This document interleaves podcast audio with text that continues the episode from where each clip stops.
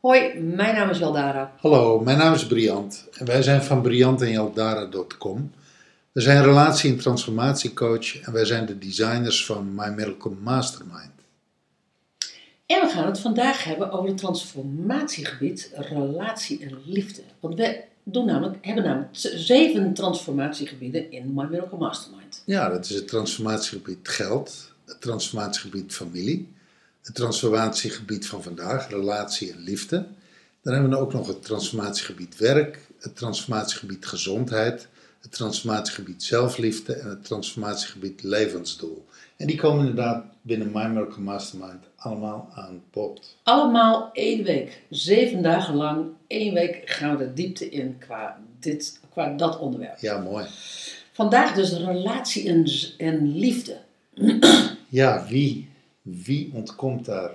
eh, wie zou daar aan ontkomen, denk ik dan? Niemand. Het feit dat je een relatie hebt. Nou, nee, het, het, de behoefte daaraan. Ja, Of het feit dat je daarin in zit. Dat je in de relatie bent, en dan heb je het over een liefdesrelatie. liefdesrelatie. Of het feit dat je er volledig klaar mee bent. Omdat Ja. je pijn aan hebt opgelopen, omdat je teleurstelling aan hebt opgelopen. Maar je hebt natuurlijk ook een relatie met je buurman, met je buurvrouw, met je hond, met je kat, met De omgeving. de omgeving. laat ik zo zeggen, met, met, met de, de, de straat, met de buurt, met de stad waar je woont. Kortom, je, socia- met, met het land waar je woont. Hè? De, je maatschappelijke Ja, relaties, ja. je sociale relaties, ja, ja. relaties op het werk. Maar het is eigenlijk de, de relatie van ik tot de ander. Ja. Hè, want want eh, gisteren hebben we het gehad over de familie. Dat is, dat is echt gewoon family life. En nu hebben we het echt over ik, ehm, ik als individu in relatie tot de ander. En, en daar zit liefde zit daar natuurlijk altijd bij. Ook al heb je, heb je te maken met buren. Je moet elkaar wel leuk vinden. Nou ja, we leggen natuurlijk in die zeven dagen leggen we wel een flinke focus op het in relatie zijn met een liefdespartner. Ja, klopt. Dat is, dat is de allereerste grote focus. Hè? Eh, hoe is dat voor je? Is dat een constant gevecht voor je? Is liefde daadwerkelijk een werkwoord voor je? Of gaat het je heel makkelijk af? Eh, heb je ieder half jaar, ieder jaar een nieuwe relatie, een nieuwe liefde? De liefde van je leven? Of heb je al tien jaar geen relatie gehad en verlang je daar ontzettend naar? En hoe ga je daarmee om? Maar ook En wie ben jij in de relatie tot de ander? En, en hoe ervaar je de ander? En laat je de ander toe? Geef je de ander ruimte? Hoeveel ruimte neem je? Hoeveel ruimte krijg je? Waar, waar ben je geneigd te vluchten? Waar ben je geneigd de ander vast te pinnen? Echt letterlijk, hè? Van, eh, ga niet weg. Ehm, wat voor loyaliteit heb je? Hoe zit het met loyaliteit naar de ander? Krijg jij dat ook terug? Want dat is natuurlijk ook hè, die balans nemen en geven. Want jij, want jij kan zeggen van, nou weet je, ik heb dat allemaal wel op orde, maar ik krijg het niet.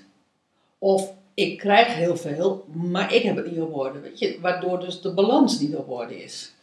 Welke plek heb je in de relatie? Ben je gelijkwaardig? Ben je niet gelijkwaardig? Ehm, eh, hoog-laag? Stelt iemand zich boven jou en zit je beneden? Of ehm, stel, onmacht. stel jij je- je- bo- jezelf boven de ander? Almacht, onmacht inderdaad. En welke plek claim je? En welke plek neem je in? En welke plek geef je de ander? Welke plek krijg je inderdaad? Ja. Ja. Dat hele spel, dat, die hele Ja. dynamiek. Ja, Dat is natuurlijk dat, dat, dat is een waanzinnige dynamiek met een, heel, met een grote gelaagdheid, waarin heel veel. Nou ja, weet je, ik zeg het regelmatig. Het is zo jammer dat je de dingen die echt belangrijk zijn in het leven, dat je die niet leert, vaak niet leert in het gezin van herkomst en vaak ook niet leert op school.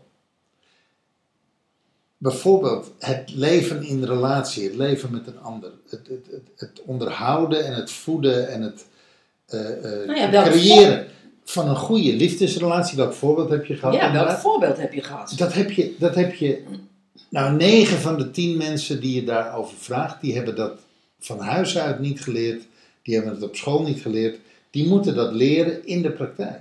Nou, wij zien natuurlijk heel erg vanuit die relatiecoaching, is dat er een copy-paste heel vaak plaatsvindt. Hè? Ehm, Dat wat je geleerd hebt, dat doe je zelf ook. Precies. En wat je geleerd hebt in het gezin van her. Ja, eh, en dat wil je niet. Eh, maar daar ben je zo druk mee bezig dat je dat niet wilt, dat het gewoon dat het alsnog copy-paste wordt. Ja. Ehm, terwijl als je dan op een bepaalde leeftijd bent, dat je ineens zegt van shit, is this all there is? Dan blijkt ineens dat je copy-paste hebt gedaan. Dat je inderdaad je vader en je moeder naast zit te doen. Ja, Of je opa en je oma. Ja, nou ja, weet je, het is niet voor niks dat heel veel mensen zeggen: van, je trouwt met je vader of je trouwt met je moeder. Eh, ja, ik, ik wil niet vervelend doen, maar dat, is, dat, dat, dat wordt niet voor niks gezegd. Ehm, nou ja, dus, dus, dus hoe. Of je trouwt met je leerpunten of je pijnpunten. Ja, ja, precies. Eh, dus geef je relatie, geeft die je vervulling of, ge, of, of moet die een gat opvullen? Ehm, wat jij ook wel zegt van, ik, sommige mensen zijn getrouwd met het kind, met het kind van iemand anders. Eh, maar dan is het kind van iemand anders is getrouwd met, met zeg maar een, een, een vaderachtige. hè. Dus Of een moederachtig. dus, dus, dus dan, moet je, dan, dan moet er iets gevuld worden waar hè, ehm, wat, Een behoefte. een ja. behoefte gevuld worden, wat eigenlijk niet in de volwassen relatie daar hoort, maar wat eigenlijk in de achtergrond hoorde. Ehm, Nou ja, dat hoor je Ja. natuurlijk. Je hoort dan natuurlijk regelmatig hoor je vrouwen klagen. Die hebben dan vier kinderen en een man. En die zeggen dan, grappend, ja, ik heb vijf kinderen. ja, Kortom, je leeft met een partner die aan jouw volwassen verlangens en volwassen behoeften regelmatig geen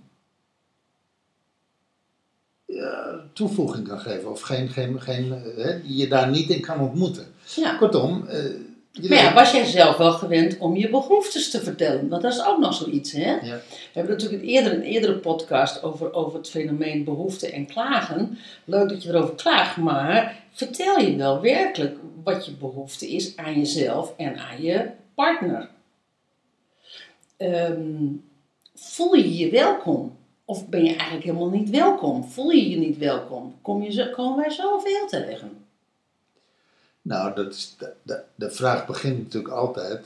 Dat is ook een van de onderwerpen die we hebben, hè, eh, zelfliefde. Ja, Ben je, voel je je überhaupt wel welkom in je eigen leven? ja, ja. Daar, daar, uiteindelijk begint heel veel toch daar. Hè? In, in die zin is het thema eh, relatie en liefde ook heel erg gekoppeld, niet alleen aan familie, dus dat wat je geleerd hebt aan patronen, aan overdracht, maar ook aan het thema zelfliefde. Ja, In hoeverre ben je in staat om jezelf te dragen, om van jezelf te houden, om met jezelf te zijn? Je ziet toch ook heel veel lui die op het moment dat ze niet in relatie leven, voelen zich miserable, zijn ze eenzaam. En is het eigenlijk zo dat degene waar ze naar verlangen, die moet dat gat, die dat gat van eenzaamheid opvullen. Wat niet wil zeggen dat, dat, dat je niet het verlangen mag hebben naar een relatie. Hè? Maar dat is iets anders als dat, het, als dat iemand het gat voor jou moet opvullen. Nou ja, laat ik het zo zeggen. Als je verlangt naar een relatie omdat je niet alleen kunt zijn met Ja. jezelf. Ja. En je wil eigenlijk een relatie hebben zodat je weg kan van de pijn van het alleen zijn. Ja. Nou, dan heb je nog wel wat werk te doen. Dan zou ik, laat ik het zo zeggen, dan zou ik je adviseren. Doe nog even wat werk op het alleen zijn en op die pijn.